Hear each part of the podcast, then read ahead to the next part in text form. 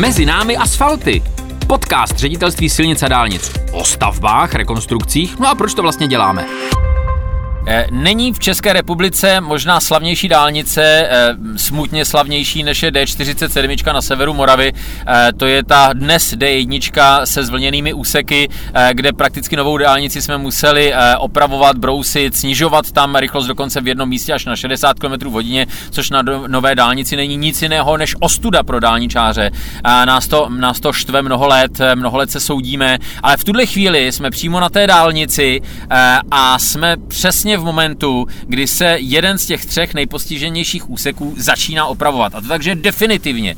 Tady to už není žádné nějaké flikování, je opravdu definitivní oprava. Eh, máme tady eh, člověka, který celé ty roky eh, ty spory vedl, dozoroval, sledoval tu dálnici, jak se horší, věděl, proč to je. Je to ředitel úseku kontroly kvality staveb, ředitelství silnic a dálnic, pan inženýr Jiří Hlavatý. Dobrý den. Dobrý den. Pane řediteli, eh, kontrola kvality staveb na D47, to, eh, to je téměř sisyfovský úkol. Eh, pojďme si říct, co technologicky tady na té dálnici bylo špatně.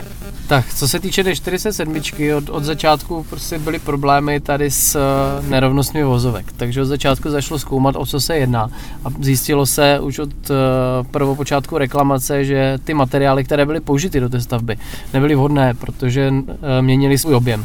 To znamená, docházelo k bobtnání a vzniku nerovností na těch vozovkách. Z začátku se první uh, uvažovalo, jestli to jsou jenom vozovky, ale ve finále se projevilo to, že jednoznačně uh, ta příčina, která tady je na té dálnici, tak je to, tak je to bobtnavost toho materiálu použitého v těch násypech, které jsou v těch určitých částech té dálnice až 16 metrů vysoké. Co je to za ten materiál, který tam nemá být, jo? který, který bobtnal? Jako co, co je to za druh materiálu? Je to, je to materiál, který je klasifikován jako studený odval eh, a ten materiál se skládá v podstatě z vyvážky jak z výroby železa ve vysokých pecích, tak ocely. To znamená, je tam jak ocelánská, tak vysokopecní struska, do toho tam jsou i nějaké právě materiály, které byly v těch pecích, to znamená, je to nějaká ta výzdívka té pece a tak dále. To znamená, tento studený odval obecně do našich staveb je nevhodný a nepoužívá se. Bylo to pouze tady.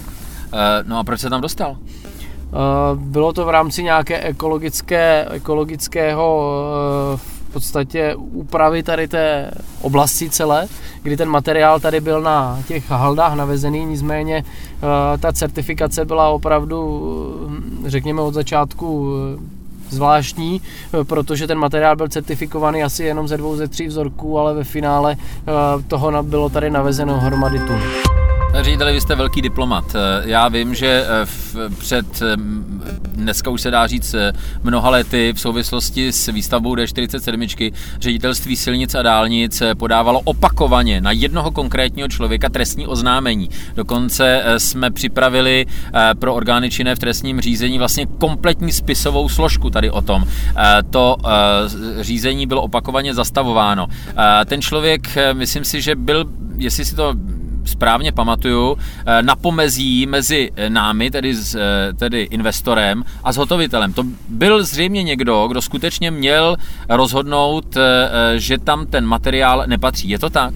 Uh, za mě ano, byl to správce stavby, který vlastně tady měl tu stavbu na starosti, nebo tyto stavby, protože to nebyla jedna stavba, těch staveb bylo tady víc.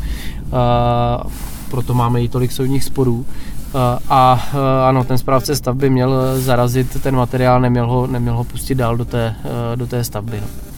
Eh, dobře, což já si myslím, že je důležité taky říct, protože eh, by to jinak vypadalo, že ŘSD tady před tím problémem za miliardy korun strkalo hlavy někam pod koberec a, a to tak není. My jsme opravdu se snažili to vyřešit. Když mluvím o tom řešení, jo, tak podle toho, co říkáte, tak vy jste od samého začátku, v okamžiku, kdy se začaly projevovat problémy na ty D47, to zvlnění a, a všechny tady ty chyby, tak jste podle všeho znal tu příčinu, věděl jste, co s tím, eh, a nejenom vy, ale vůbec my jako, jako uh, investor, proč to trvá celý ty roky, proč musí řidiči tady skákat kolem Ostravy jak skokani na lyžích v autech, uh, když je známa příčina. A když znáte příčinu, předpokládám, že uh, bylo na bíledni, jakou technologií to napravit.